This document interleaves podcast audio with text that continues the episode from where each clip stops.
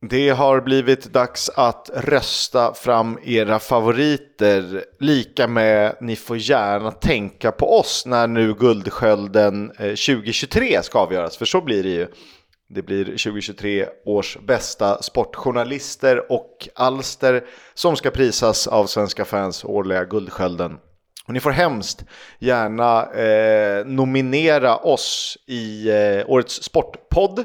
Eh, och sen kan man ju tycka att eh, jag eller Leo är bra programledare eller experter eller vad ni kallar oss. Då blir vi ju såklart ännu gladare. Ja, nej men det är ju eh, i alla fall in, inuti branschen så är det här ett prestigefyllt pris och grejen är att ju mer den här podden syns desto större chans är det att vi faktiskt överlever framöver. Så tycker ni att det vi gör är bra, ursäkta min röst, eh, så bra är inte den idag i alla fall, men tycker ni att det vi gör är bra så in och nominera oss på Guldskölden för ju mer EFL-podden eller Championship-podden eller Fotbolls Coming Home syns desto större chans att eh, det går bra för podden och därmed större chans att vi kan fortsätta göra det vi gör. Så in och nominera oss, snälla, om ni tycker om det vi det gör. Det var lite nästan där på rösten och, och nära till tårar där när Leo eh, inledde sitt brandtal.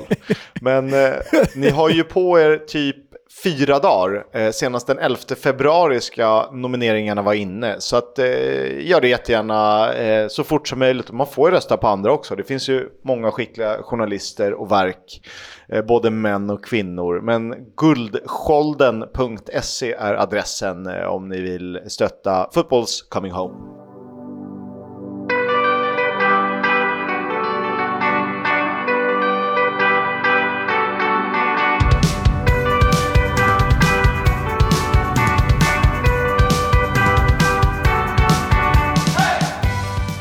Du lyssnar på Footballs Coming Home, en podcast om Championship, League 1 och League 2 med mig, Oskar Kisk och Leonardo Jägersjö Welander, hes så in i bängen. Ja, jag trodde att det var någon så här känsloyttring och skådespeleri, men icke sa Nicke. Ah, jag... Du, jag, jag drog faktiskt ut en fråga i, eh, på Instagram igår och kollade vad folk vill ha mer av. Mm. Eh, och det är intressant att se alla svar. Eh, det känns som... eh, Vad vill folk ha mer av då? The Club är naturligtvis populärt, eh, vilket jag kan förstå. Där har vi ju många spelare och, och, och några mindre lag kvar att avhandla såklart. Och man skulle även kunna gå upp i Premier League eh, och prata dåtid. Eh, mer antirasistiska statements av Leo. Ingen gör det så självklart som han. Ja, det är väl bra. Ranking av ska- bästa öl.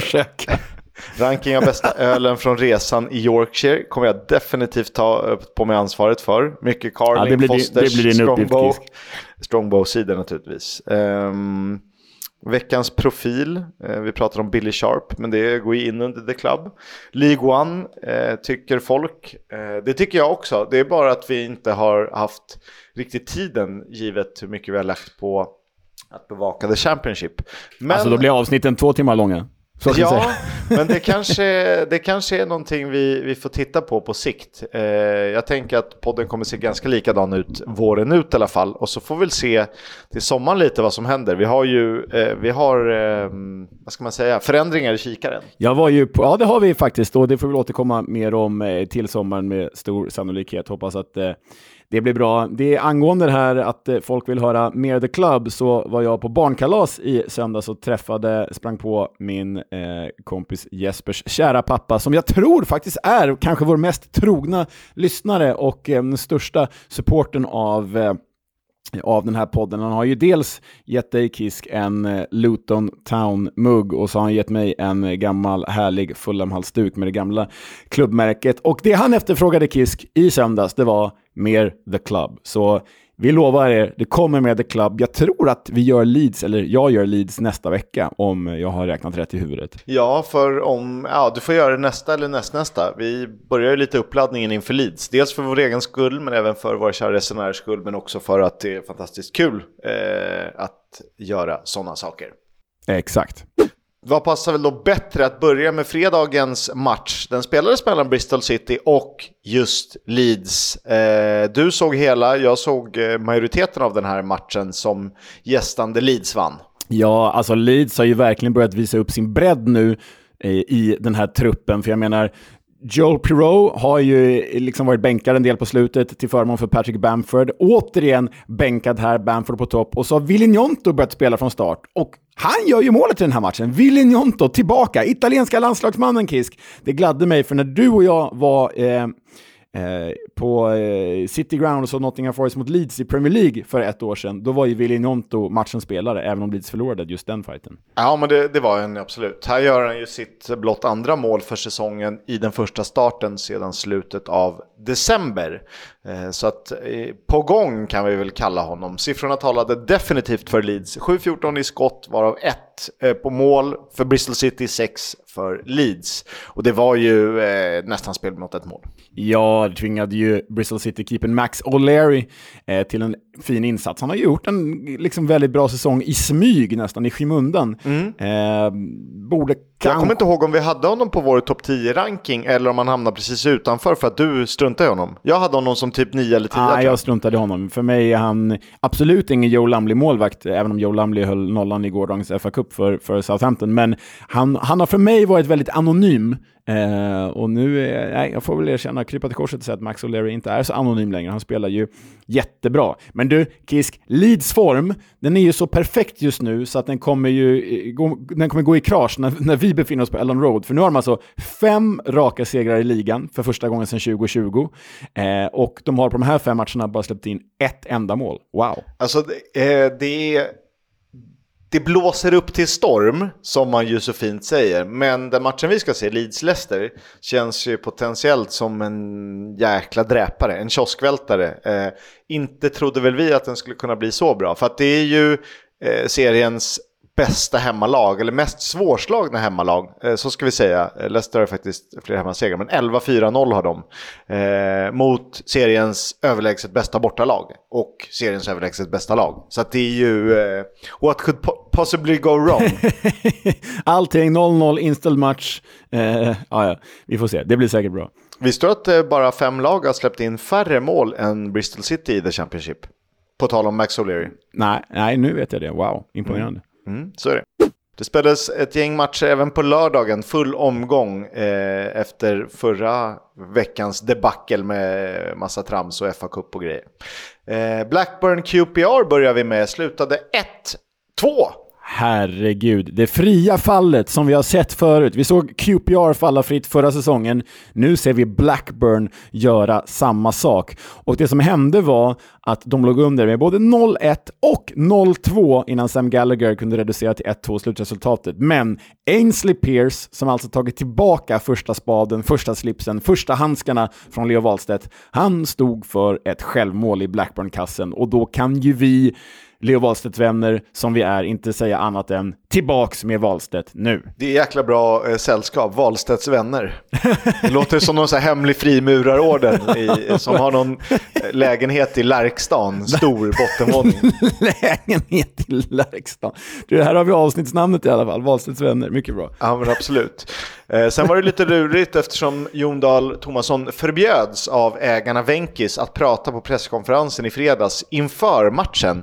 Och det var massa jidder att han fick inte prata med supportrar heller, eller fick han det? Det var eh, väldigt otydligt. Han, eh, ja, fick... han, är, han, är, tydligen extremt missnöjd med, enligt eh, engelska tidningar så är han extremt missnöjd med hur övergångsfönstret har skötts av Venkis ägare. Och Venkis har ju liksom dragit åt den ekonomiska snaran ännu mer, för de har ju problem hemma i Indien med sitt kycklingslaktarföretag. Eh, så det finns mindre pengar än tidigare, mindre eh, utrymme på övergångsmarknaden och Jon Dahl Tomasson har varit förbannad. Och nu har alltså läckt uppgifter att Jon Dahl Tomasson erbjöd sig att lämna Blackburn i somras utan ersättning. Ehm, eh, men det ska Venkis ha nekat då, så då, då sitter han eh, kvar. Väldigt märklig situation, hela grejen där. Eh, så det kanske är en blivande svensk förbundskapten vi pratar om här, men eh, ja, nej jösses, det går inte bra för Blackburn. Lyssna på det här Kisk. Alltså, sämst i serien sedan början av december. Eh, och när det här raset började, då låg de ju sjua. Och nu är de ju vadå, ett par poäng ovanför nedflyttningsstrecket. Ja, eh, sen är det så här, det här, just det här resultatet är kanske lite missvisande eftersom de borde tagit minst en poäng här eh, av det jag såg.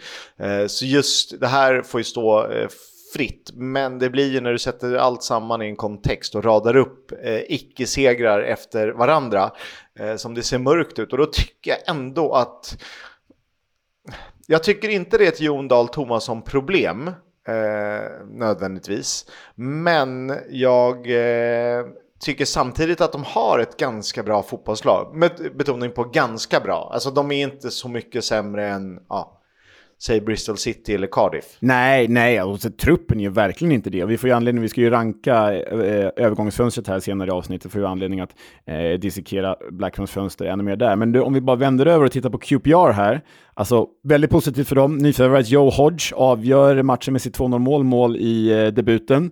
Och tittar man på QPRs tre senaste matcher i KISK, Seger Blackburn, de liksom drar ner Blackburn i nedflyttningsträsket. Kryss Huddersfield, de ser till att Huddersfield inte drar ifrån dem. 2-0 Millwall, de ser till att Millwall också sugs ner där i, i gyttjan. Så tre jäkligt viktiga resultat av QPR faktiskt. Otroligt viktigt och starkt i ett sånt läge efter en rätt tung period i ryggen eh, komma, eh, gå stärkta ur det och eh, faktiskt ta sju poäng på, på tre omgångar som eh, tredje jumbo. Eh, har ju eh, klättrat tänkte jag säga, men de har i alla fall börjat äta in eh, försprånget. För det är rätt intressant att vi går direkt till eh, helgens kanske hetaste drabbning. Jag måste bara säga en grej till innan vi går vidare.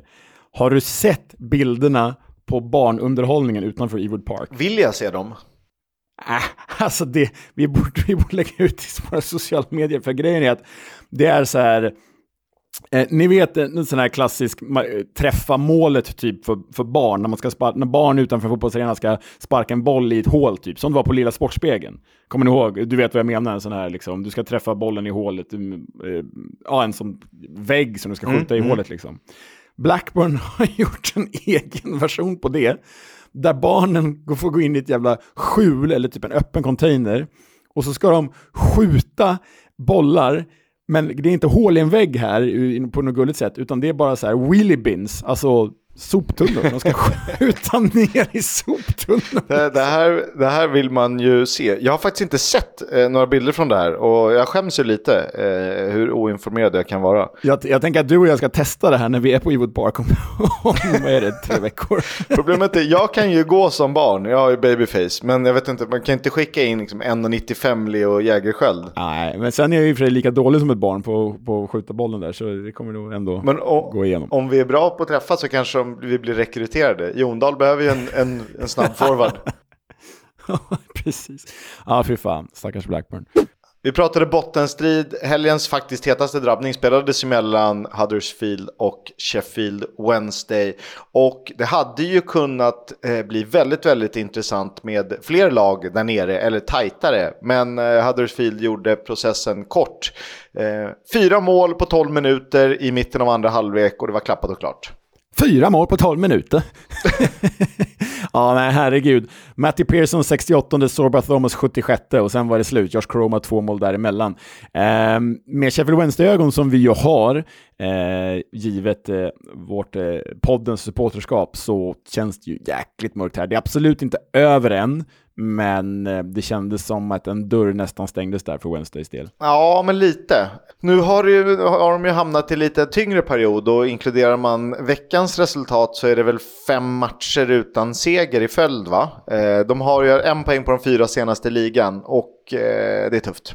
Desto bättre för Huddersfield då. Effekten av att sparka Darren Moore, bounce effect. Första matchen utan honom blev då en klar Victoria med 4-0, trots att Sheffield Wednesday hade både in bollinnehav och lika många avslut. Nej, den är tung. Nu är det långt upp, åtta poäng. Och visst, det kan gå jättefort. Efter tre matcher så kan man ha passerat, men eh, det är nog tung börda att bära på axlarna. Hull besegrade Millwall med 1-0, men inte, det var inte så klart. Nej, det var väl att målet gjordes tidigt då, femte minuten redan av Jaden Philogene Bides. Eh, det blev 1-0 till Hull mellan, eh, ja det här är också ett derby, det är ju ett kattklös-derby det här, tigrar mot lejon. kattklös-derby. Uh. Men eh, Millwall stod väl upp hyfsat bra här faktiskt mot ett Hall, och vi kommer återkomma till det i övergångsfönsterrankingen, men mot ett Hall som ser fenomenalt jäkla bra ut på pappret, för de startar alltså med Jadon Fill och Jane Bides, Fabio Carvalho inlånad från Liverpool, Anas Sarori inlånad från Burnley, Ozan Tufan längre fram. Bara det är toppklass. Och sen startar de ju också med nyförvärvet, assistkungen väl från förra året, Ryan Giles. Jag får mig att det var Ryan Manning va? Ja, Ryan Manning vann till slut ja. Ryan, Ryan Giles var ju med där uppe och slog väl ändå 10-11 målgivande passningar som vänsterback för Middlesbrough. Nej, tungt jävla lag på pappret. Och det får vi prata mer om i övergångsfönstret, men eh, Hall, det är uh, uh, det, bara, det vattnas i munnen på mig, Chris. Ja, det här är ju... Eh, kan man säga, det här Vårhall är ju säsongens popgäng, för det är en jävla skön blandning av eh, lirare och Får de det att stämma så eh, kan de ju inte nå eh, högre upp än så, men de kan ju dess, däremot befästa sin playoffplats och framförallt eh, se jäkligt bra ut inför ett eventuellt playoff. Eh, dock bara 2-1 i skott på mål här. Det var en ganska blek eh, match överlag. Eh, Sian Fleming hade någon chans för eh, Millwall. Såg hyfsat pigg ut ändå. Eh, andra raka segern, eh, dessutom andra raka hållna nollan för Tigers. They mauled the Lions. Fan det gjorde de. Ja, det gjorde de. Eh, vad har vi för fågelderby när Kanarie, Kanarierna mötte Coventry? Ja, jag vet inte. Alltså grejen är att Norwich har ju sin kanariefågel då. Coventry har ju elefanten i märket, men de har ju också fågel Fenix i märket. Jag vet inte om vi räknar det som en, det är väl en slags fågel då, fast den är på låtsas. Jag skulle kalla det ett mytologiskt väsen, men eh, ja. jag är inte utbildad eh, lärare heller. Nej. I religionskunskap. inte ornitolog heller. Eh, det blev eh, 2-1 till Norwich i alla fall mot eh, Coventry Kisks. Coventrys första förlust på 13 matcher. Ja, jag tycker det är lite skönt för att jag vill inte heller ge det helt rätt med Coventry. Så det är helt okej att de slutar sjua, men de får fasen inte ta sjätteplatsen. Vi måste ha någon beef här. Eh, det kan väl vara P9 på tionde plats, Coventry strax utanför playoff. Då har vi ju träffat eh, rätt. Mm, ja, jag vill ju ha dem på playoff. Men det blev hur som helst deras första då förlust på 13 matcher, trots att Callum O'Hare gjorde mål igen. Och honom gillar ju du Kiss, det vet jag. Ja, han är jäkligt fin. Han är, jag vet inte, han, jag vet inte vad jag ska beskriva honom eh, för er som inte ser honom. Han är ju eh, liten till växten men eh, snubblande skicklig med bollen vid fötterna. Han gjorde väl två mål i, i veckans fa Cup-batalj med Sheffield Wednesday dessutom. Eh, sen vände de på steken, Josh Sargent och Borja Sainz och eh, 2-1 målet var ju en elegant pärla. Nej, det var jäkligt fint i, i bent in i bortre. Och nu börjar man ju liksom undra vad det är som händer på Carrow Road, för jag menar Jonathan Rowe missade den här matchen, han var skadad. Ändå vinner de alltså 2-1 mot Norwich, eller 2-1 mot Coventry. Sju raka utan förlust på Carrow Road och nu är det Canaries en poäng från playoff. Ja. Ska vi, om, om man skulle räkna bort Borough, Watford och Pini av någon outgrundlig anledning, Pini lär vi väl eh, bli tvungna att räkna bort. Men om vi räknar bort de tre, då har vi ju ändå ett race här med Norwich, Sunderland, Coventry, Hull inom en poäng. Eh, West Brom tre poäng före Hull. Det är ju, kan ju bli ett jäkla race här bakom. Ja, nej, det blir, det blir svinkul. Som sagt, släpp iväg Leicester bara och så får det vara två, tre klubbar som slåss om andra platsen och så får det vara fem, sex klubbar som slåss om övriga playoffplatser. Det kommer bli svinkul det här. Ja, det kommer bli riktigt roligt. Men förstå när Norwich skräller sig till en playoff-finalvinst och David Wagner blir säsongens tränare. Ja, det, då får vi äta upp vår tränarranking. Det är framförallt mitt fel. Det är jag som vill ha honom som jumbo. Ja. Lägger vi ner podden då? Det tror jag absolut att vi gör. Eh, men kul att det går bra för Norwich. Vi, jag tycker ändå man eh, har sett att det finns någonting mer där. Eh, vilket jag tycker vi var tydliga med, men att man inte fått ut det. Nu verkar man göra det. Ja, och det är ju nästa säsongsresa om det vill sig väl. För det, det är ju Norwich mot Ipswich. Vi ska se Old Farm ju. Ja, Old Farm eller South Wales Derby blir det nästa säsong. Eller båda. Exakt, eller båda. Eh, på tal om Preston North End, de besegrade ju Ipswich med 3-2 och eh, när den första halvleken var slut stod det ju 3-0 redan efter 39 minuter. Ah, herregud, jag tycker det här säger rätt mycket om eh, Ipswich bredd, att nu har liksom verkligheten kommit ikapp det här laget. För så spetsigt är det ju inte på pappret, även om de har spelat väldigt bra eh, över hela säsongen, men nog över sin förmåga.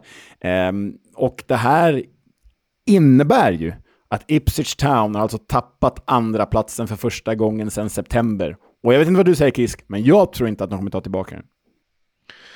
Det tror inte jag heller. Men, och jag tycker ändå vi har höjt ett varningens finger lite för att det här kan komma. Sen exakt eh, när det skulle komma var vi väl liksom hyfsat eh, inne på. Eh, rätta mig om jag har fel. Eh, men jag tycker vi har... Tippade det halv, alltså nu i vintras, i mellandagarna när vi tippade återstoden av säsongen, då landade vi Ipswich på fjärde plats tror jag till slut. Var det inte så?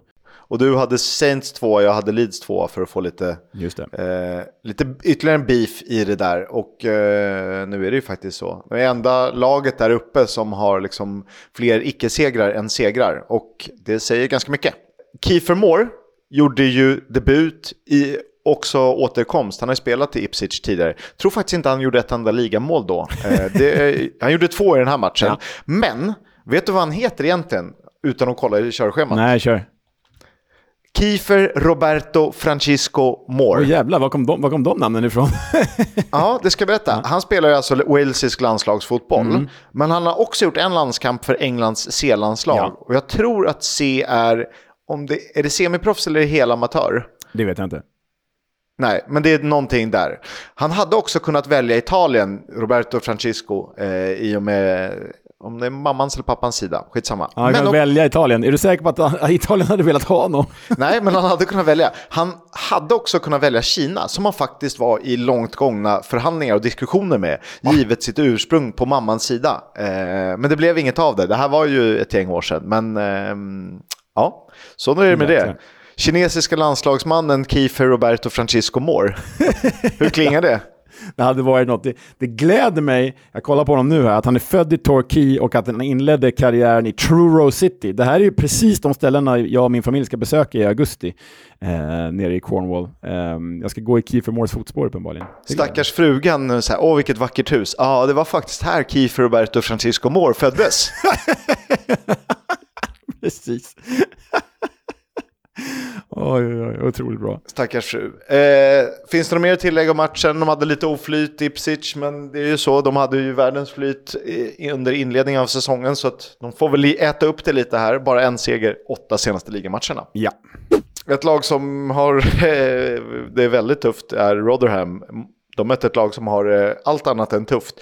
För Southampton besegrade Rotherham med 2-0, obesegrade 21 raka ligamatcher, 23 matcher totalt. Ja, och Jan Bednarek gjorde ju första målet redan i fjärde minuten. Mittbacken som blev målskytt i sitt 200 framträdande. Och tittar man på detta eh, Southampton, detta bollförande Southampton, så hade de ju 74 procents bollinnehav och det på bortaplan.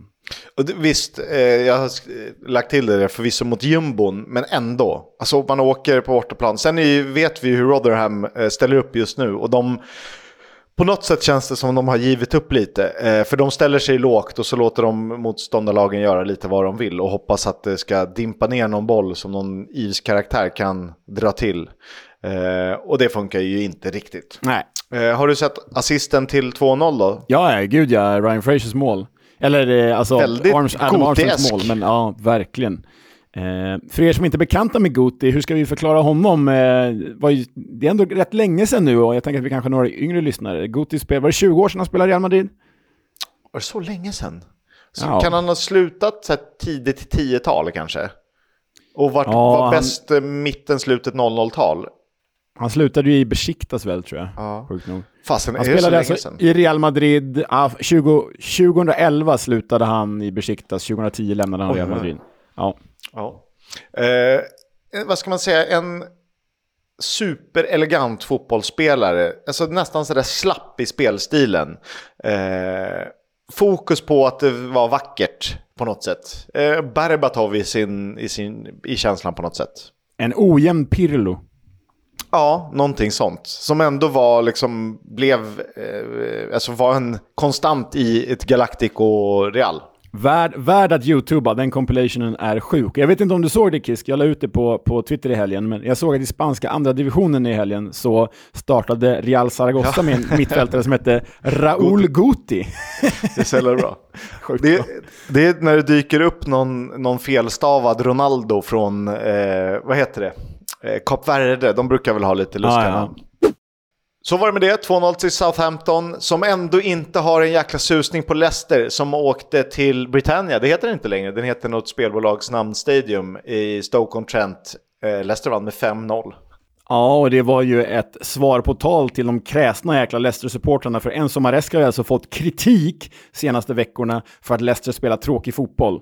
Eh, Enzo Maresca gjorde ju inte det, men han hade ju kunnat sätta händerna bakom öronen efter den här matchen och bara tråkig fotboll, vi leder överlägset, vi gör typ mest mål, vi är överlägset bäst i serien, vi kommer slå poängrekord och vi vinner med 5-0 borta mot Stoke. Ja, jag vet inte, jag, ja, man kan ju vara desillusionerad när man kommer upp från Premier League ner till Championship, men att klaga på det här, jag förstår inte riktigt. Det finns ingen anledning. Ingen anledning. Och tittar man på poängrekordet i The Championship så har ju Reading det alltjämt från eh, säsongen 2005-2006. Fortfar fortfarande helt fel att det här, just det Reading, det är ju så, alltså, snarare hette Reading med Lucas Schau och Tom Ince skulle ha gjort ja, det, men det är Reading. Nej, det här är Graham Murty Reading, oerhört begränsat. Men de tog ju 106 poäng. Leicester har nu 72 poäng med 16 matcher kvar att spela. De får alltså max tappa 13 poäng till på de återstående matcherna för att slå poängrekordet. Men hittills har de bara tappat 18 poäng på 30 spelade matcher. Det är inte omöjligt att de faktiskt klarar det här. Nej, och det, det skulle väl klinga lite sexigare att det var en som har Marescas Leicester med eh, fart och flärd och ledda av Kiernan Dewsbury Hall. Eh, fallskärmsdopat upp jämfört med gamla Reading. Alltså Readings bedrift är ju större, det, men visst. Det men det är ju så här, Herman Reidarsson är ju storstjärna i det Reading. Eller vem det då, vilken Gunnar Gunnlaugsson, eller vad hette han? Ingemarsson och ja, de där jävlarna. Tredje raka förlusten för Stoke var i alla fall, som bara har två vinster på de 16 senaste i ligaspelet. Faktiskt bara fyra poäng ovanför strecket. Mm, och räknar man, det är helt sjukt, räknar man sedan början av november har Stoke tagit näst minst poäng i serien, alltså bara Rotherham är sämre, och gjort minst antal mål. Ja, det är ju... Eh, att de, det spelar ingen roll vem de anställer som tränare. De måste ju bara göra om hela systemet. Ja, Byta ut organisationen, bara... rensa truppen, eh, krydda med något eget ungt och sen eh, hitta någonting eh, roligt på nätet eller något. Gör om, gör rätt. Hitta något roligt på nätet. Jag har fyndat ja. här på Blocket. Vänsterback. Ja, ja, du tycker det skulle vara sämre eller? nej, nej, det är ju antagligen bättre. En jävla jordglob för 300 spänn och en lampa för 47 kronor är bättre än Stokes in i mitt fält just nu. Eh, Swansea Plymouth slutade 0-1. Eh, Morgan Whittaker upp i delad skytteligaledning. Och jag sa ju det Kiss, om jag får slå mig själv på axeln. Det här blir ju säsongens värvning. Eh, han är klev ju upp i delad skytteligaledning, så definitivt. Rekordförvärv för Argyle, det var ju 10 miljoner kronor. Det är ju eh, kaffepengar, ja drygt 10 miljoner kronor, vi kan säga 15 då. Kaffepengar för en Championship-succé. Och jag har inte eh, räknat ordentligt, men om jag har räknat rätt så är det här Argyles första bortaseger i ligan på över 200 dagar. Oj, ja det kan nog stämma. Det är ju första för säsongen definitivt. Mm. Ja, det är helt sjukt ju. Men eh, vilken klubb gick Morgan Whittaker ifrån? Ja, han gick ju från Swansea. Exakt, så släkten är värst. Mm. Och Williams har ännu ingen seger i ligan som manager för Swansea. Nej, det är synd, för jag eh, dels är jag lite svag för Swansea, men dels så eh, eh, tycker jag att han verkar jäkligt sympatisk, den här Williams. Men eh, det känns ju som att någonting är lite ruttet i detta Swansea också. Eh, men den här tränarutnämningen känns ju som den sämsta hittills av alla nya, eh, om inte Steven Schumacher till Stoke har varit det också. Men alltså Swansea nu, du vet, det är fem poäng ner till strecket för dem alltså. Mm. Det som kan vara fördelen för de här, och Swansea behöver också se sig om över axeln, eh, både Swansea och Stoke alltså, eh, är ju att övriga lag där nere är så mycket sämre. Eh, och har varit det inledningsvis. För det ser tufft ut. De hade ju chanser här. Jerry Yates, Patterson, Charlie Patino, alla brände. En Hazard grym i, i Argyle-målet. Connor Hazard, ja det var han faktiskt. Eh, matchvinnare tillsammans med Whitaker får man väl säga. Det får man säga. Watford eh, har inte sådär skitbra hemmaform och det är väl problemet. Eh, för hemma mot Cardiff så förlorar de med 0-1. Mm, Josh Bowler med matchens enda mål för Cardi FF och det var ett jäkla drömmål, hör du. Ja, vad snyggt det är. Man vill ju tro att den där lilla dragningen förbi Watford-spelaren är med meningen innan han curlar in den i bortre. Ken Sema hoppade in för Watford. Det gjorde också den till Vicarage Road återvändande Emmanuel Dennis eh, stjärnvärvningen. Kanske den bästa värvningen på pappret eh, utöver Kiefer Moore i det här vinsterfönstret. Det ska vi prata mer om alldeles strax. Tillbaka för Watford alltså. Cardiff utspelat spelat, men oerhört viktiga poäng. Det var ett eh, derby i, eh, där i Midlands. West Brom Birmingham, 1-0 slutade det. Och det var ju en tidigare Aston Villa-spelare som fick avgöra. Mm, Andy Weimann tillbaka i Black Country, men för fel klubb. Eller rätt tycker väl nog både han och West Brom i det här fallet. Det blev matchens enda mål. Andy Weimann avgjorde med fem minuter kvar att spela. Och det var en jämn tillställning där Birmingham faktiskt hade de bästa chanserna. Mm. Tre orättvisa 1-0 resultat här på vägen Det spelades en match på söndagen. Det var ju eh, i brist på Newcastle och Sunderland i samma serie det hetaste derbyt där uppe i norr, Middlesbrough Sunderland. Mm, slutade 1-1. Finnen Marcus Fors satte ledningsmålet för hemmaspelande Borough och, eh, ska vi se om jag säger det här uttalet rätt, Nazari Rushin kvitterade för Sunderland. Eh, Slava Ukraini såklart. Eh, fint mål av Fors eh, som drar upp den till sig själv och klipper till. Eh, där hade kunnat bli Boroughs första dubbel mot Sunderland sedan 2017, men det räddade ukrainska anfallaren. Det spelades tre matcher i FA-cupen under tisdagen. Coventry besegrade Sheffield Wednesday i omspelet. Eh, Leeds slog Plymouth på bortaplan. Båda de matcherna slutade 4-1 till de segrande lagen och Southampton slog ut Watford. Med 3-0 Southampton då obesegrat i 24 eh, raka matcher nu, Ken Sema från start för Watford. Fotbolls Coming Home sponsras av Stryktipset, ett spel från Svenska Spel, Sport och Casino. För dig över 18 år. Stödlinjen.se.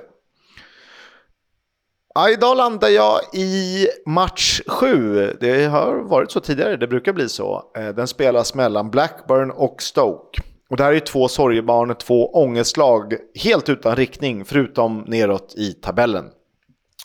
Och jag undrar om inte Jon Dahl Tomasson är näst på tur när det kommer till sparkade tränare. För han har alltjämt supporternas stöd som ju då skyller kräftgången på personer högre upp i hierarkin.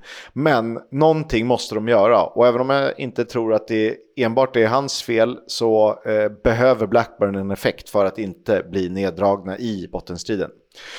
Är Leo Wahlstedt tillbaka? Han borde i alla fall vara det, för det var ju inte han som var problemet. Så in med Wahlstedt i mål så får ni en av seriens bästa målvakter. Blackburn har två poäng på åtta matcher och Stoke kommer från 2-10 och tre raka förluster. Eh, ska man helgardera här? Nej, jag tänker att man får sticka ut hakan och i, eh, med ett ganska gynnsamt läge som det ser ut inför så väljer jag nog ändå att spika ettan. För nog fasen måste Blackburn vinna den här med en skytteligaledare i laget. Så ettan i match sju alltså. Leo, vad ska man mer se fram emot i helgen? Jag vet inte om det finns något bättre än Sheffield Wednesday i en fredagsfight, Kisk. För det är så... Nej, det är fan fint. Ja, det är fint. Och det är Sheffield Wednesday hemma på Hillsborough mot Birmingham på fredag. Den ser jag väldigt mycket fram emot. Tidiga lördagsmatchen ruggigt playoff-möte här. Ipswich Town mot West Brom och där tror jag att West Brom verkligen kan nypa pinnar eh, från eh, The Tractor Boys. Sen om jag ska välja en 16-0-match då väljer jag ändå Sunderland mot Plymouth Argyle. Jag tror att det kan bli en jäkla massa mål där. Och sen har vi ju då faktiskt en söndagsfight. Coventry mot Millwall, följt av en veckomgång, så det är dubbelomgång eh, oh. nästa vecka. Oh.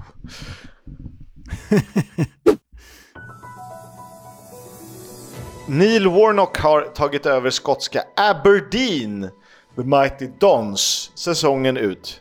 Aberdeen! Ja, men det är klart man är Aberdeen i Skottland, givet. Och det är första gången han tränar i Skottland. Det är ju inte jag, jag är, jag är Hearts. Men, eh, men eh, du kommer ihåg eh, groundskeeper Willie Simpsons? Han är ju på Aberdeen. Go Aberdeen! Go Aberdeen! Ja, jag är, jag är Aberdeen. Mm, bra. Det är klart. Det har blivit så. Aberdeen och Tottenham har någon konstig Gemelaggio, om vi kan kalla det det. jag älskar att använda italienska uttrycket. Ja, men det blir så mellan supportrar. För Rangers och Chelsea har ju polat och eh, Celtic och Liverpool. Och då skulle ju Tottenham hänga med Aberdeen på sätt. Verkar vara jävla eh, ballstad också. Eh, alltså den är ju, vad ska man säga, karvad ur sten. Nej, det är ju en riktig, det är en riktig hamnstad. Det är väl eh, liksom oljestad nummer ett i Storbritannien tror jag. Och den hade ju också ett, det fanns ett program som hette Britain's Toughest Pubs som gick på tv för länge sedan. Då, eh, den tuffaste var... Britain's Toughest Pubs, det här måste jag ju se. Ja, otrolig tv. Eh, det här var ju... Ehm, då var Aberdeen etta på den listan vill jag minnas. Och den hette typ Pee Peeps Bar och låg ja, i några sjaviga hamnkvarter och besöktes av eh, diverse ljusskygga personer och en galet arg eh, pubägare som bara satt och muttrade och skrek på folk. Så att eh, det kan jag rekommendera. Bra TV! Ja, det låter som jäkligt bra TV faktiskt. Duncan Maguire presenterades av Blackburn Rovers på deadline day. Ett lån med köpoption från Orlando City. Men eftersom alla papper inte hade skickats in efter deadline 23.00 lokal tid gick värvningen inte igenom. Och enligt uppgifter ska allt ha varit klart i tid. Men eh, någon person råkade klicka på save istället för submit application på då eh, övergångssidan hos IFL. Motsvarigheten i Sverige heter väl Fogis eller något sånt där. Så att, eh, ja, human error. Alltså det här är ju, det är ju så jävla, jävla svagt av Blackburn. Det här ärendet ska provas på torsdag, alltså imorgon om ni lyssnar när avsnittet släpps, den eh, 8 februari av IFL Board. Om det inte går igenom så är det alltså andra gången på ett år som Blackburn sjabblar bort en värvning. För vilken spelare var de brände i förra vinterfönstret eh, på exakt samma sätt? Det var ju han centralmittfältaren som gått till Nottingham Forest. Ja, just det. Ja, han som... Eh... Åh, oh, nu stod det han som... Lewis O'Brien var det va? Lewis O'Brien, exakt. Lewis O'Brien brände de ju på exakt samma sätt. Och det här, Duncan Maguire, ska ju vara en pangvärvning. Han ryktades ju lite till Malmö FF faktiskt under vinterfönstret. Har ju öst in mål i MLS och vi gjorde ju en övergångsspecial här på jobbet med TV4 och Fotbollskanalen och då sa ju Ola Lidmark Eriksson, eh, fotbollens eh, statistiker nummer ett i Sverige, han sa ju att Duncan Maguire skulle göra succé sett till de underliggande siffrorna i The Championship och nu är ju då Blackburn på väg att missa honom. Ja, för att han flög ju ändå till England, fotograferades, det lades upp att han är klar, eh, presenterades således. Eh, och han är fortfarande kvar i England om jag förstått det rätt, i väntan på, för Orlando City har godkänt att ah, men du får vara kvar. Eh, i, förutsatt att det går igenom, eller liksom med hopp om att det går igenom. Ja, det är, eh, vad är det för parodi? Ja, det är verkligen parodi. Något som inte är parodiskt men som däremot är tragiskt är att Huddersfields mittfältskämpe Josh Ruffles missar resten av säsongen på grund av en ljumskskada. Han har ju varit, rätt, eh, han har varit borta sedan november också, så att ja, eh, oturen fortsätter. Det är inte vad de behöver. Sa jag mittfältskämpe? Han är ju försvarare, försvarskämpe. ja, exakt. Mm. Jag tänkte det, men eh, så är det när man dricker på arbetstid. Vi ska prata lite deadline day-värvningar, de vi inte hann få med sist. Och så pratar vi värvningar till Championship, för annars blir det för långt. Eh, den sista i raden var att Lukas Andersen, tidigare i Ajax, går eh, då gratis efter sin andra session i Ålborg till QPR. Mittfältare, lite offensivt lagd. Mm. Blackburn fick in en skotsk landslagsman från Sheffield United, mittfältaren John Fleck. Eh, Cardiff gjorde klart med amerikanska landslagsmålvakten Ethan Horvath från Nottingham. QPR förstärkte ytterligare med den Premier League-rutinerade mittfältaren Isaac Hayden från Newcastle. Och med Joe Hodge som debuterade i veckan. Han kom från Wolves och han har gjort, redan gjort sitt första mål. Blackburn lånar in Billy Comecchio från Liverpool och så har de ju då också försökt låna in Duncan Maguire som vi precis har redogjort för. Vi får se hur det går med honom. Kiefer Moore är som ni förstod eftersom han gjorde två mål i sin första match eh, klar för Ipswich. Han lånas ut från Bournemouth. Leeds United värvar Connor Roberts från Burnley på lån. Det var ju en av säsongens bästa ytterbackar eh, eh, förra året. Han kanske var med i vårt årets lag till och med. Nu är han tillbaka i The Championship i alla fall. Jag tror att han tog plats eh, givet rätt dålig konkurrens på den positionen. Men han är ju fortfarande om han håller nivå så är han ju eh, topp tre högerbackar i serien. Och skönt för Leeds att slippa liksom rotera runt med Archie Gray där och ner med Ampadu. Utan nu kan de spela eh, med rätt folk. Verkligen. För de släppte ju Jed Spence tillbaka till Spurs. Charles Sago Jr går från Arsenal till Swansea på lån. Ja, de gillar den kopplingen Swansea, bara in med massa gamla Arsenal-talanger där. Eller unga Arsenal-talanger. Eh, Rotherham lånar in Femi Seriki från Sheffield United. Han behöver alltså bara resa en kvart till sin nya arbetsplats då, Femi Seriki. Linus Sosa från Aston Villa till Plymouth. De hoppas väl på att det kan bli en ny fina Sästor där. Cardiff eh, lånar in Josh Wilson S-Brand från Manchester City och det är ju ytterst lovande. Mm. Anas Saruri går alltså från Burnley till Hull på lån, men det har ni redan hört. Och nu Kisk, nu har det blivit dags att eh, ranka det här övergångsfönstret, eh, alla klubbar. Vissa kommer vi fastna längre vid, andra kommer vi dra förbi ganska fort. Och vi gör ju som vi brukar göra, eller hur? Vi går från plats 24 till plats 1. Ehm, där, Så gör vi. Där vi ger klubbarna betyg också för sitt respektive övergångsfönster. 1 plus är ju dåligt, 2 plus är knappt godkänt, 3 plus är godkänt, 4 eh, plus är bra, 5 plus, ja det är ett världsklassfönster. Så är det. Eh, två skulle kunna vara godkänt givet förutsättningarna. Det är, det är svårt med fem, men tio är ju för mycket. Men eh, i övrigt har Leo rätt. Jag tycker att jag börjar med mitt gäng PNI, Preston North End. De har värvat ingen, de har eh, släppt ingen. Eh, plus, ah, ingenting. Minus, de behövde ju verkligen förstärka både bredden och spetsen, men inget hände. Och ibland undrar man så här, fasen vill de här verkligen gå upp? Har de, har de, har de kraften och kapitalet för att gå upp? För att det är så här, de har ju ett gyllene läge. Om de spetsar till truppen, tro fan att de kan utmana en playoff. Ja, det, ja. Alltså, att ta en sjätteplats, ja, och så möter du Säg att Ipswich slutar trea så är de lite svag form. Men det är väl klart du kan vinna där och sen kan du slå vilka, alltså, allt kan hända i Championship och i en eh, playoff-run. Men eh, PNI verkar inte vilja det. De är nöjda med sin tionde plats.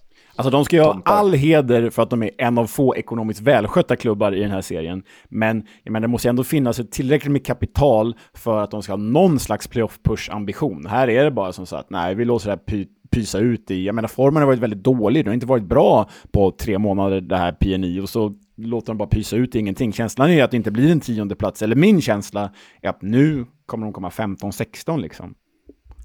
Ja, de har ju tur att de har plockat rätt mycket poäng, men eh, det är väl de och Bristol City som slåss om att hamna, vilken sida om eh, mittensträcket i Championship man ska handla om. Verkligen. Så kommer det se ut. På 23 plats hittar vi den enda andra klubben som vi delar ut ett plus till och det är, kanske hårt nog, Sunderland Black Cats. För in har de fått Tottenham Legend, Romain Mandel från Standard Liège. De har lånat in Leo Gjelde, eller värvat kanske. Eh, de har värvat Leo Gjelde från Leeds, den unga norska ytterbacken. De har lånat in Callum Styles från Barnsley och det där låter ju bra. Släppt har de gjort Alex Pritchard, gått till Birmingham och en jädra massa lånespelare. Plus Ytterbackarna gällde och Callum Styles, alltså Callum Styles är ju hög, hög klass, det vet vi när Barnsley var uppe i den här serien. Men minuset, varför får de en etta? Jo, de har fortfarande ingen anfallare, det finns ingen självklar målskytt där framme och det var det enda de behövde, plus att den här utdragna Amadiallo-historien inte löste sig. Nej, ett plus till Sanden. Jag tycker att du är lite hård, men jag fattar. För det är samtidigt så här, man behöver ju verkligen en anfallare. Eh, även om eh, Vissa tränare kanske hävdar att de inte behöver spela med en renodlad anfallare, men de behöver ju verkligen en. Eh, sen Ross Stewart eh, försvann och eh, Ellie Sims eh, lånades, då, eller gick tillbaka och sen lånades ut i Coventry, så har, de inte, har det inte riktigt funkat. Man har testat Bellingham, Pitchard eh, med flera. Eh, så att där är jag med dig. Eh, sen kanske jag hade haft dem lite högre. Eh, men så är det. Ett plus får de totalt. Vi går vidare till 2 plus-gängen. På plats 22 hittar vi Swansea som har tagit in brassen Ronald. De har tagit in Placheta från Norwich och då Charles Sago Jr från Arsenal. Eh, ut går Yannick Bolasi som inte får förlängt, Pedersen och Beta och mannen med namnet Nathan Cho Aon.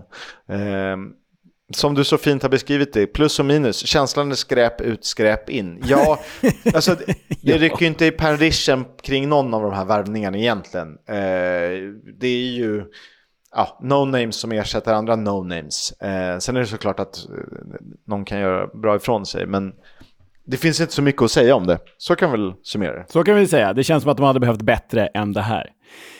21 plats, återigen eh, 2 plus och det här riskerar ju att bli 1 plus givet hur det går för Duncan Maguire. För Blackburn Rovers är ju oerhört beroende av den här värvningen, känner man ju. Trots att de har skyttekungen, då Sami Smodic, men de har ju liksom ingen anfallare som har fungerat riktigt. Så Duncan Maguire hoppas man löser sig, då blir det 2 plus. Om han inte löser sig så blir det faktiskt 1 plus för en jävla fadäs. Och att de då har tappat Adam Wharton. Vi kan ju dra det, vilka, de har kommit, vilka som har kommit in. Det är ändå Kyle McFadzean från Coventry, och John Fleck från Sheffield United. Det är rutinerat och bra ju. Yasin Ayari lånas in, det är lovande. Men ut Adam Wharton, visserligen för mycket pengar till Crystal Palace, stor förlust. Louis Travis till Ipswich, förlust. Nile Ennis, där tappar de bredd, han går till Stoke.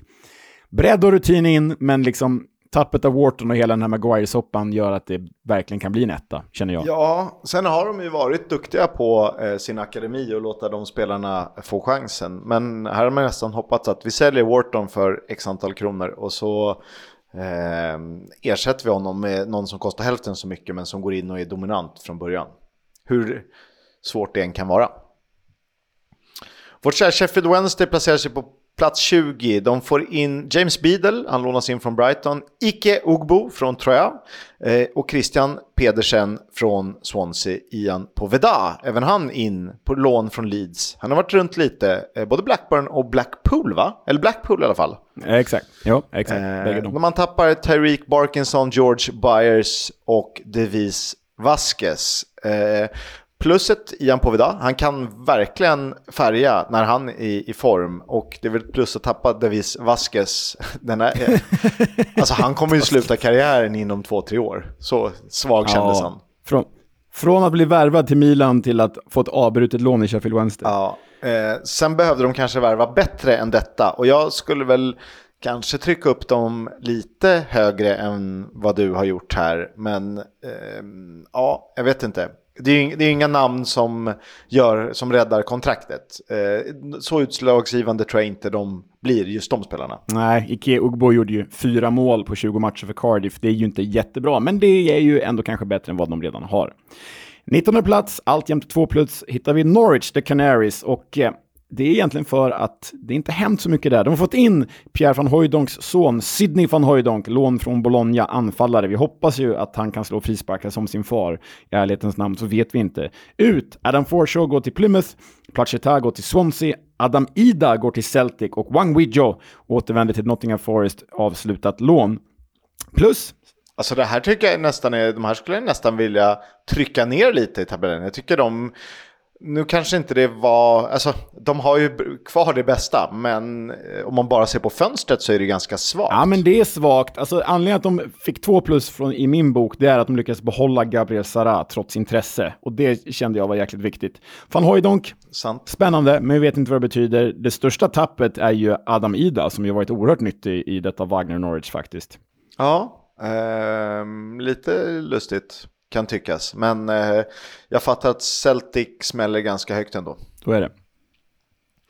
Plats 18, Leeds, som ju tar in Connor Roberts, eh, högerbacken, lånas in från Burnley. Man tappar Leo Hjelde, Luke Ayling, Giabi, Ian Poveda och Jed Spence då, vars lån har avslutats tillbaka i Spurs. Eh, ja, tappar ganska många spelare men förstärker ändå en position som behöver förstärkas. Eh, dessutom behåller man Crescencio Summerville eh, men tappar defensiv bredd. Alltså så länge alla håller sig friska så blir man ju bara bättre. Eh, eftersom det inte var några startspelare i försvaret som försvann samtidigt som man fick in en riktig högerback vilket gör att man slipper rotera runt med massa andra tomtar på fel positioner. Så att på så sätt är det bra. Eh, men visst, tappar lite bredd. 17 plats, eh, sista laget på 2 plus, hittar vi överlägsna serieledaren Leicester City. De har inte värvat en enda spelare. Ut! Daniel Iversen till Stoke, Luke Thomas till Middlesbrough, Alex Smithis har slutat spela fotboll och Cesare Casadei avslutat lån. Plus för Leicester, de har blivit av med barlast. Minus, de missade Stefano Sensi, den italienska landslagsmannen som ju rapporterades vara nära. Eh, Leicester, men eh, Leicester och eh, Inter kom inte överens om övergången där. Leicester ville låna, Inter ville sälja, hans kontrakt går ut i sommar. Maresca ville verkligen ha Stefano Sensi där. Eh, så ja, det blir väl en ganska mycket en axelryckning på Leicester här, 2 plus. Ja, de behöver ju verkligen inte göra någonting heller. Och spelare som ville gå eh, fick, får speltid. Vi går upp till de som eh, definitivt är godkända, de fönster eh, på plats 16 under 3 plus. Då, då hittar vi Rotherham som tar in Andy Rinomota, Charlie Wyke, Femi Seriki, alla tre, från lån, alla tre på lån från Cardiff, Wigan respektive Blades.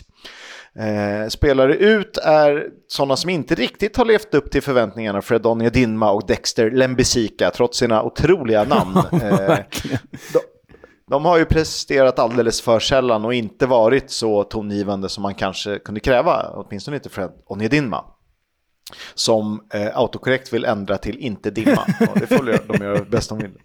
Eh, Rinomota och Wike är ju klass för Rotherham. Eh, toppen av League One snarare än botten av Championship säger jag. Eh, båda har ju levererat på den här nivån. Eh, man fick behålla Victor Johansson, vilket naturligtvis är otroligt viktigt. Eh, lilla minuset är att de behövde mer, framförallt i offensiv väg. Alltså jag tänker, nu har de ingen jättebudget, men de borde ju ha kunnat trycka in någon på topp. Eh, få in något lån, eh, någon som kan göra det för dem. Men så är det. Så är det. Den här tycker jag är speciell, eh, 15 plats, 3 plus, för det här är en av klubbarna med störst omsättning och det är ju spelomsättning och det är kanske inte så bra. Och sen har de ju blivit av med tunga namn, vilket inte heller är bra. Men sen har de ju faktiskt ersatt på ett ganska intressant och eh, vad jag tycker är spännande sätt. Det är då Plymouth Argyle som tappade Luke Candle, återkallat eh, lån, och sen Finasas som eh, eh, återkallades och såldes vidare till Middlesbrough. In då har de fått Adam Forshaw, rutin från Norwich, Matt Sorinola från Union Saint-Gilloise, och det är ju det är ett bra namn. Lino Sosa, spännande från Aston Villa. Alfred Devine, spännande från Spurs. Giabi från Leeds och Ashley Phillips, spännande lån från Spurs. Så likt hela Plymouth, många spännande spelare in för billiga pengar. Dessutom lyckas man faktiskt behålla Morgan Whittaker trots att Lazio enligt italienska rapporter la ett bud och bara det är ju 5 plus typ. Nu landar det i 3 plus här eftersom att de tappar då Kundle och Azaz. Känslan är ju att Plymouth bygger för framtiden och håller de sig kvar nu, vilket allt talar för. De har gjort det väldigt bra och kan behålla lite eh, viktiga pusselbitar. Man kanske inte kan räkna med att Whittaker är kvar, han kan ju gå till Premier League typ. Eh, så känns det som att de skulle kunna etablera sig för att de har ju minst budget, lönebudget tror jag, inför säsongen. Men alltså för varje år så eh, kan man ju öka på den. Bottenlaget QPR på plats 14. De har tagit in Michel Frey från Royal Antwerpen, Isaac Hayden från Newcastle och Joe Hodge från Wolves, de två sistnämnda på lån. Man har tappat André Dossell som lånas ut till Birmingham. Man har breddat samt behållit nyckelspelare. Eh, sen kanske de behövde mer i offensiv väg, men det är ju alltid något. Sen är det frågan om det håller och räcker. Ja, nej, det är ju frågan om det håller och räcker, men givet liksom deras förutsättningar så är det här ju ändå, det är tre startspelare in och de tappar en rotationsspelare i Dosell. De har spelat mycket, men i ärlighetens namn är han ju inte så bra. Och så behåller de våra favoriter då, Ilias Cheir och Chris Willock. Jag tycker ändå det är ett bra fönster av QPR, måste jag säga, givet förutsättningarna. Plats 13, alltjämt 3 plus, hittar vi Coventry City. De har alltså värvat dansken Viktor Torp från norska Sarpsborg enligt underliggande siffror, ja, men norska ligans bästa centrala mittfältare. Och så har de då eh, värvat Efron Mason Clark från Peterborough som de lånar direkt ut tillbaka till Porsche. De har tappat 36-årige Kyle McFadsin, gått till Blackburn och så har de avbrutit lånet på Yasin Ayari som gick via Brighton till Blackburn då. Plus, ja, Viktor Torp. De breddar det centrala mittfältet som redan är typ ligans bästa. Eh, minus, de förlorar ju en ledarfigur i, i Mac, McFadsin. Nu har han varit väldigt viktig tidigare säsonger. Den här säsongen har inte varit det. Så det ska bli intressant att se vad det betyder att en sån gestalt försvinner i omklädningsrummet. Ja, samtidigt har de ju varit rätt tydliga med. som om jag har förstått det rätt så har de ju eh, uttalat eh, första till femte kapten. Och McFadsin var en etta eller tvåa. Eh, kanske var etta. Eh, men så att de har väl rätt klart med ledare i form av eh, Ben Chief etc. etc. Plats 12, Bristol City. De har köpt loss Taylor Gardner Hickman som gjort det så bra. Man har lånat in Scott Twine samt Max Bird eh, som ju förvisso lånas till... Man värvade Max Bird, lånar tillbaka honom till Derby ja, exakt, va? Exakt så? så. Sen tappar man Andy Weiman. Eh, Plus Scott Wine minus Andy Weiman. Ja, det kan väl uttryckas så enkelt. Alltså, Weiman var ju inte bra, eh, tillräckligt bra i Bristol City under hösten. Och Scott Twine tror jag kan bli riktigt, riktigt bra. Eh, favoritspelare för podden ändå någonstans. Så att, det känns bra. Och Taylor Gardner Hickman har hittat rätt på ett sätt han inte gjorde i West Brom. Eh, den Baggys egna produkt. Scott Twine känns ju som en level up på Andy Weiman numera, faktiskt. Ja, sett till ålder och man får hålla sig skadefri ska tilläggas. Elfte plats, eh, nu är vi då på övre halvan då, det var ju redan med Bristol City, men övre halvan alltjämt 3 plus då. Där har vi Birmingham City, Alex Pritchard värvas in från Sunderland, återförenas med Tony Mowbray. Också sydkoreanska VM-spelaren Chung Ho Pak lånas in, liksom Andre Dossell från Queens Park Rangers. Ut, ingenting av värde. Plus betyg här, de har breddat truppen och Mowbray får då återigen jobba med Pritchard som han verkligen gillade i Sunderland. Minus, inte så spektakulära namn kanske, men jag ser en spets här i Pritchard och jag ser en bredd i att de här tre kommer in. Så Birmingham har ju faktiskt bara blivit bättre. Eh, det har de ju definitivt. Eh, lite andrum för Mowbray. Nu har vi, det känns som att man alltid går och väntar på att den här ska brisera eh, Birmingham. Men får de lite lugn och ro under våren, Mowbray, han får ett ordentligt fönster i sommar så skulle man kunna utmana om playoff eh, som man gjorde med John Eustace. West Bromwich Albion är plats 10. De har tagit in Callum Marshall på lån från West Ham, Mike Johnston på lån från Celtic och Andy Weimann på lån från Bristol City. Man har inte tappat något värt att notera. Jo, Taylor Gardner Hickman eh, som ju då gått direkt, eller gått, eh, vad heter det? Han är permanent såld nu. Eh, tack, eh, exakt till Bristol City. Truppen är intakt och den har breddats. Vi tycker att de kanske hade behövt bättre anfallare än de som finns. Ja, eventuellt är det så. Brandon Thomas Asante och Daryl Dike. Jag vet inte riktigt om det är tillräckligt. Eh, samtidigt känns det ändå kört givet hur långt efter de är Leeds och Ipswich eh, inför ett eventuellt playoff. Men så ska man inte tänka eftersom allt kan hända. Eh, och de har ju roterat lite med Jed Wallace och, och sånt. Så att eh, ja, mm, ja, sådär. Okej. Okay. Ja, okej. Okay. Det är ju alltjämt 3 plus. Jag är med dig på det. Plats 9, fortfarande 3 plus. Där hittar vi Millwall. De har ju eh, fått in den unge Major från Morecamp. Han kan vi inte så mycket om. De har lånat in den unge Tanganga från Spurs, Tottenham Legend. Och så har de lånat in Michael Obafemi från Burnley som ju öste in mål för Swansea för drygt ett år sedan här i The Championship. Ut? Ja, ingenting. Och eh, om vi stannar på plus här, två spelare, i alla fall på pappret, rätt in i startelvan i Michael Obafemi och Tanganga från Tottenham. De behöll dessutom Sian Fleming som ju är oerhört viktig för dem. Minus, de behövde väl kanske ännu mer? Ja, kanske, men jag gillar de här två. Jag gillade Tanganga, han är ju faktiskt eh, one of our own när vi pratar Tottenham. Eh, och Obafemi var ju snuskigt bra med Pirou och Patterson i Swansea stundtals. Eh, så att får man det här att träffa så eh, kan Millwall se riktigt bra ut. Verkligen. Huddersfield har plockat in Rice Healy från Watford, Bojan Radulovic, ex-gnagaren från HJK Helsingfors, Radinho Balker från Groningen och Alex Matos på lån från Chelsea. Eh, man har sparkat Darren Moore och inte tappat någonting annat av värde. Och här är ett lag som har breddat truppen och spetsat offensiven, dessutom lyckats behålla eh, Michal Helik och Sorba Thomas. Eh, så klart plus där alltså för eh, ett lag som behöver se sig om eh, för bottentrion. Minus turbulensen kring Darren Moore, absolut. Eh, och minus, varför plockar man inte Neil Warnock när han var ledig? Ja. Han hade löst det här utan problem. Verkligen. Alltså jag känner, om det inte vore för den turbulenta ägaren så är det här uppe på 4 plus, givet förutsättningarna Huddersfield har. Det är inga fantastiska spelare här, men ur ett Huddersfield-perspektiv, ur ett liksom bottenkrigsperspektiv, ja, då är det här starkt alltså. Starkt fönster. Ja, man undrar ju hur mycket Darren Moore eller tränare generellt sett har för inflytande över värvningarna. Eh, för det så, har han varit med och pekat ut värvningar då är det ju dumt om han får gå strax efter fönstret har stängt. Om han bara har varit en tränare så spelar det inte så stor roll tror jag. Då kanske alla är nöjda.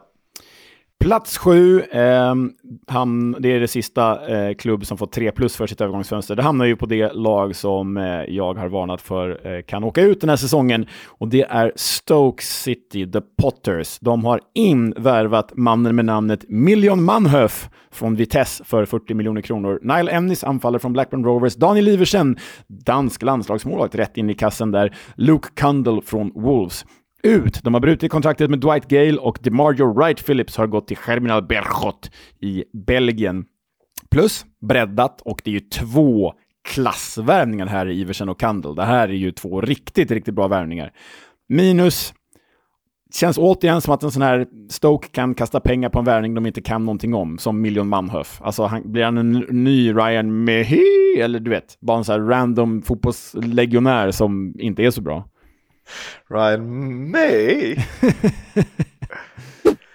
Eh, vi går vidare till fyra plussarna. Eh, plats 6, Middlesbrough som har tagit in Finn Sass, Luke Ayling och Luke Thomas. Men tappat Morgan Rogers. Alltså det är en, på plussidan då, jättespets i eh, Finn Bredd och rutin i ytterbackarna.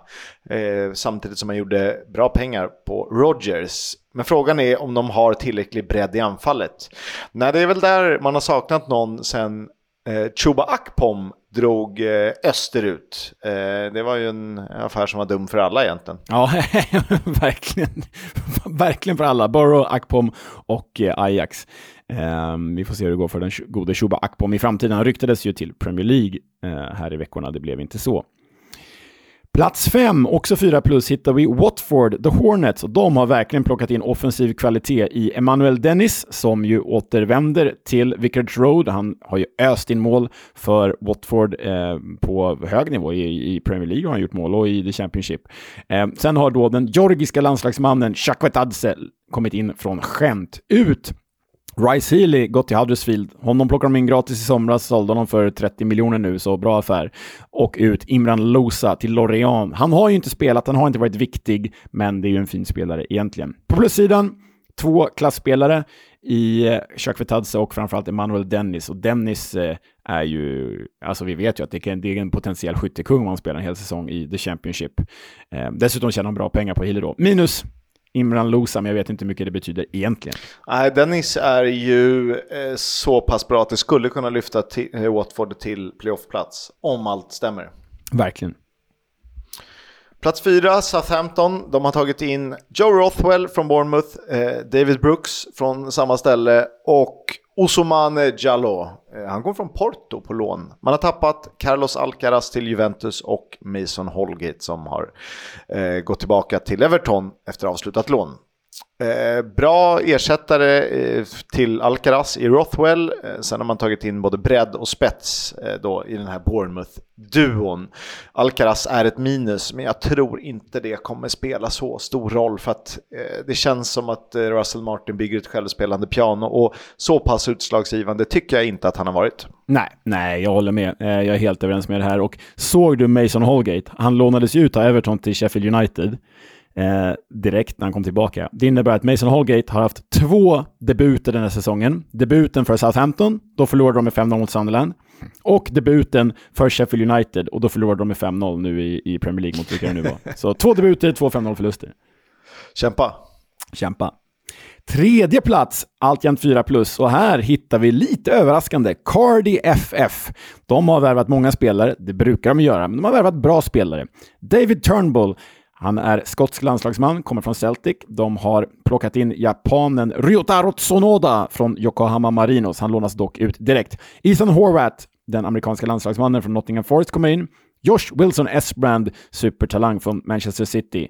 Famara Diedu från Granada har ju varit i eh, The Championship tidigare och öst in mål för Bristol City om jag minns rätt. Sen då lånat in Nat Phillips, eh, Liverpool-försvarare. Ut Andy Rinamota till Rotherham är väl ändå av värde. Det här tycker jag, Kisk, är bredd och spets och det här är liksom spelare lite above their weight ändå i David Turnbull och Josh Wilson Esbrand. Eh, jag hittar egentligen inga minus, jag tycker Cardiff gör ett pangfönster. Mm roligt fönster för att det är inte heller de givna namnen. Eh, man tar lite från en så här, det känns som man har gjort scoutingen väl för att hitta spelare som verkligen passar in. Till skillnad från Stoke som kanske lite mer chansar. Exakt. Sista på 4 plus är Ipswich. Eh, de är tvåa här, de har legat tvåa länge, nu har de tappat sin andra plats i serien. Men de har fått in Kiefer Moore, Louis Travis, Jeremy Sarmiento och Ali Al-Hamadi. Det de tappar är väl Freddy Ladapo han gick till Charlton. Eh, och övrigt inget mer än så. Alltså plus Kiefer Moore, möjligtvis fönstrets bästa värvning. Eh, ja, inte riktigt, men topp tre i alla fall. Både breddat och spetsat, behållit alla viktiga spelare. Eh, du har skrivit frågan, har man rubbat balansen i truppen nu?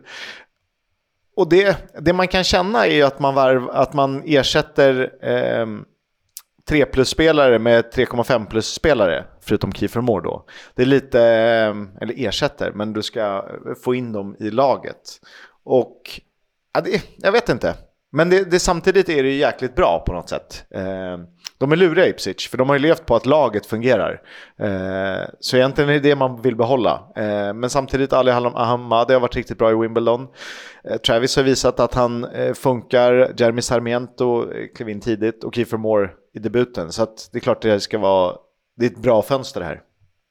Det är snarare att man är lite orolig för vad, vad som händer med Ipswich i stort. Ja, verkligen så. Um, Ja, men då kommer vi till eh, första platsen och Kisk, enda som vi delar ut 5 plus till. Och här tror jag att vi är överens. Um, för det är ju Hull City, the Tigers, som har mauled the transfer market. För in kommer Ryan Giles, supervänsterbacken från Luton på lån. Anas Saruri, offensiva mittfältaren från Burnley på lån. Fabio Carvalho, offensiva mittfältaren på lån från Liverpool. Noah Ohio, eller Ohio, anfallare från Standard Liège. Billy Sharp kom ju gratis från MLS. Ivor Pandur, målvakt från Fortuna Sittard. Abdulkadir Emir från Trabzonspor och sen Oscar Estopignan, avslutat lån tillbaka från Mets. Sen har hon tappat lite namn, men de har inte riktigt använts i Sidemanners, Dogokan Shinnik, Lokilo och Ruben Vinagre. Plus bredd och framförallt spets. Det här tycker jag är den tydligaste playoff-push, det tydligaste playoff-push-fönster vi sett sen vi började göra den här podden. Eh, alltså bara Giles Aruru Carvalho hade ju varit värt 5 plus. Dessutom behövde de Jacob Greaves. Eh, minus vi vet ju ingenting om den här jäkla målvakten Ivor Pandur och de behöver ju faktiskt en bättre målvakt. Så vi får se om Pandur är keepern eh, de har letat efter. Mm. Ja, men, eh, den, den trion du nämner är ju alldeles för bra för att Hall ska kunna plocka in det. Och det säger väl någonting om vad Akon Ilichali, ägaren och då tränare eh, Liam Rosinior är på väg med det här Hall någonstans. Tillbaka till Premier League är i känslan. Om det inte är nu så är det nästa säsong. Verkligen. Jag håller med. Jag har sagt verkligen tio gånger i rad här. Men nej, jag håller verkligen med. Hall, nu har vi sagt det typ tre år i rad också, att Hall ska upp till Premier League. Så förr eller senare ska de upp till Premier League. Ja, de har ingen val. Nej. Du, eh, du var lite lat inför förra veckans avsnitt, så att, eh, då har vi sparat det till nu.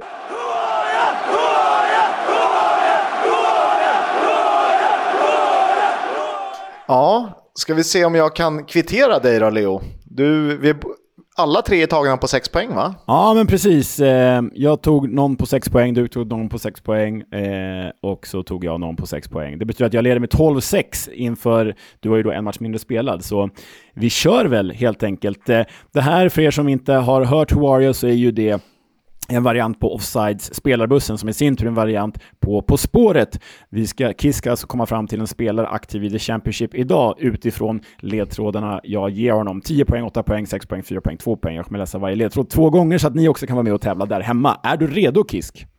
Ja. 10 poäng. Namne med undertecknad inledde i Arsenals akademi innan han fostrades hos London-rival. Väl där blev det sex A-lagsår varav sju utlåningar. Okej. Okay. Oj. Mm, Okej. Okay. Det, alltså det ringer någonting. Fasen. Ah! Du pratar om att någon är fostrad i Arsenal och har gått på många lån. Vi, vi tar den en gång till. Lyssna ordentligt. Mm. Namne med undertecknad inledde i Arsenals akademi innan han fostrades hos London-rival. Väl där blev det sex A-lagsår, varav sju utlåningar. Okej. Okay. Mm. Fasen, det är inte så att... Jag har liksom ingen namn, men det känns som en... Alltså det skulle... Ja, just det, det är inte Arsenal, det är där jag fastnar. Eh, det är någon som ändå har gjort något form av avtryck i Arsenal, om än i akademin. Eh, men har spelat i ett annat London-lag. Utlån. Ah, jag kommer inte ta det på tian så att du får gå vidare. Åtta poäng. Första målet i karriären gjorde han i derbyt mot Nottingham Forest. Vilket var efter att Alexandra dumpat honom. Jag vet inte vilket... Fan, ta om det här Kevin, förlåt. Nu kommer du föra den tre gånger, Kisk. Första målet i karriären gjorde han i derbyt mot Nottingham Forest? Vilket var efter att Alexandra dumpat honom. Jag vet inte vilket Zodiac han är. Eh, derbyt mot Nottingham Forest. Ja, det kan ju vara både eh, Derby County, men det skulle, ja, det skulle ju framförallt kunna vara Notts County. Och efter att Alexandra har dumpat honom, jag tänker att det är en spelare som har eh, gått från Crew Alexandra. Men då ska jag alltså komma på en spelare som varit på lån i Crew Alexandra från en Londonklubb som en rival till Arsenal. Eh, och som heter något i stil med MK, eh, men också namne med Leo. Eh, det låter inte alls långsökt det här. jag känner själv när jag läser att den här är ganska svår. Jag får åtta poäng en gång till. Första målet i karriären gjorde han i derbyt mot Nottingham Forest, vilket var efter att Alexandra dumpat honom. Jag vet inte vilket Zodiac han är. Zodiac är väl ett annat ord för stjärntecken, tänker jag. Uh, hmm. Nej, jag känner alltså jag har ju ingen, jag har ju ingen. Uh... Ja, då går vi vidare då. Ja. Sjätte plats, nej sjätte, sjätte plats, sex poäng. Första målet för huvudklubben satt rätt i hjärtat. Stora genombrottet kom dock på anstalt som han representerade i fyra år. Där var han aldrig fånge. Elin Nordegren hade varit stolt över honom. Liknas... Oh. Okay. Nej, nej, du fortsätt, fortsätt. Liknas vid spelare som valde att varva ner i Vissel Kobe. Ja, ja, ja, okej. Okay. Ja, men nu vet jag. Nu vet jag. Vet du? Fan också. Eh,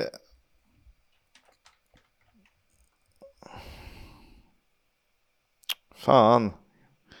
Jag har skrivit. Så. Um, du har ringat in ditt svar. Jag läser sex poäng igen för våra kära lyssnare. Första målet för huvudklubben satt rätt i hjärtat. Stora genombrottet kom dock på anstalt, som han representerade i fyra år. Där var han aldrig fånge. Elin Nordegren hade varit stolt. Fyra poäng. Under ledning av stora bocken Bruse ledde han dem till FA-cupfinal som de sedermera förlorade mot hans allra första förening liknas alltså vid VM-finalhjälte. Två poäng. Efter Hull gick flytten vidare till Baggis. What for? frågar han sig idag. Namne med både Gyllenhaal och Bug har den här killen nu skakat mer liv i karriären fast man inte trodde det var möjligt. Enfield Iniesta pratar vi alltså om. Och det är? Jake Livermore. Ja, Eh, du har helt rätt, du får 6 poäng och jag känner när jag läser den här igen att 10 poäng och 8 poäng var jävligt svårt och 6 poäng var, det var ett stort hopp mellan 8 poäng och 6 poäng så jag borde nog ha spridit ut det här lite mer. Det var jävligt svåra 10 och 8 poäng, förlåt för det Kisk. Äh, det är lugnt, men man ska, man ska ju egentligen inte ta det på tian. Det ska ju vara, bara vara att man får någon snilleblixt eh, och kommer på. Eh, han startade ju i Arsenal. Eh, eller ja, testade. Ja, det var han, Tottenham han funkade. Exakt. Han inledde sin eh, akademitid i Arsenal, gick sen till Tottenham. Namnen undertecknad, han heter alltså Leonard i mellannamn. Eh, det blev sex A-lagsår i Spurs, sju utlåningar. MK syftar på MK Dons som han lånades ut till. Först åtta poäng. Första målet i karriären gjorde han i derbyt mot Nottingham Forest, då för Derby då alltså. Vilket var efter att Alexandra, Alexandra dumpat honom. Det var Crew Alexandra som avbröt hans lån. Jag vet inte vilket Zodiac han är och Zodiac är ju en film med Jake Gyllenhaal. Eh, bara därför jag klämde in där som Jake, Livermore Jake Gyllenhaal. Långsökt var det som sagt. Ja, så inåt helvete. Första målet för huvudklubben satt rätt i hjärtat. Hans första mål för Tottenham gjordes mot Hearts i Europaspelet. Um, Stora genombrottet kom dock på anstalt. Det var ju Hall då, det var säkert där du tog det, antar jag. Eh, där var han aldrig fånge. Prisoners är också en Jake Gyllenhaal-film. Elin Nordegren, Tiger Woods exfru, hade varit stolt eftersom att han var bra i Hall då, Tigers. Fyra poäng under ledning av stora bocken Bruse, det är Steve Bruce, ledde han dem till fa Cup-final, som de sedermera förlorade mot hans första förening. Arsenal liknas vid VM-finalhjälte, ja då Andres Iniesta. Efter gick flytten vidare till Baggis, Watford, Watford då. Namne med både Gyllenhaal och Jake Bugg har den här killen skakat mer liv i karriären än Field Iniesta, kallas han ju för. Ja men snyggt. Rolig spelare, svåra ledtrådar. Eh, men det är kvitterat. Det 12 är lika. kvitterat. Ja, 12 lika. Fy fasiken alltså. Mm. Vi får se om vi gör det här live med er som hakar på till Yorkshire. Mm, exakt. We'll have a chat about the fucking game. About your game, last few months, last few weeks. Fucking character. Ja, vad passar väl bättre än att lyfta den gode Neil Warnock när han nu äntligen har ett jobb igen? Nej, det finns ju ingenting som passar bättre förstås. Alltså, det är klart vi ska prata Warnock nu när vi får möjlighet. Det kommer bli Aberdeen-Warnock hela tiden såklart. Såklart. I know it's a long way, you know. Sharon, my wife, said, Aberdeen? I was going to start next week, but you know the the the lure of taking over for a game like tomorrow night is you know is too good really. There's a lot to play for, league wise, cup wise. I'd like to win a cup. I've not won a cup. Got to the semi-finals a couple of times and got done with referees, but we're not going to that. Eh? I mean, obviously, I'm only having one session today. If we get battered tomorrow, it's Peter's fault. All right. If we do well, it's I'm, I'm very influential on the on the result. Okay. The only pressure on me is I want to win. Are you with me?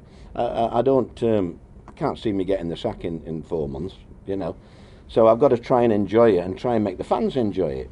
And I think, you know, um, looking at the fans' comments, you know, there's 50% want me and 50% don't. So I've got to convince the other convince the other 50% well, uh, enjoy themselves while I'm here. I want the pride back in. I think Aberdeen's one of them clubs, me, you know, you, you, you kiss the badge and you mean it really, not you know, you watch the Premier League and they kiss the badge and they're off next week. Nej, jag vet inte vad jag säger Kiss, men det är ju så fantastiskt skönt att höra honom här och att han tar upp sin fruga också. Aberdeen? Vad ska du till Aberdeen att göra liksom? ja, jag kan ju tänka mig att det finns roligare ställen att bo på i eh, än Aberdeen när man börjar närma sig pensionsålder. Men vad fasen, han är fotbollstränare, det är det han ska göra. Sedan länge förbi pensionsålder egentligen. Eh, det är ju också kul och hedrar honom att eh, han erbjöds jobbet att eh, ta över då efter matchen mot Rangers, men han ville åka till Ibrox och ha den upplevelsen, så han, han klev på jobbet med bara två dagars eh, varsel inför eh, eh, inför den fighten då borta mot Rangers. Så det är ju oerhört imponerande av honom. Inget att förlora har han ju. Det Exakt. Ju, det blir vad det blir. Jaha, äntligen tillbaka över timmen. Upp mot en 20 tickar vi. Eh, det är glädjande. Riktiga FL-podden. Inga jävla 55 minuters trams. Exakt. Nej, nej, nej. Nu är det på riktigt igen. Kul Kisko. Nästa vecka blir det lika långt. Det blir det definitivt. Eh, så glöm inte rösta på oss i Guldskölden. Nominera. Eh, tack för att ni lyssnar. Vi hörs. Hej, hej. Hej.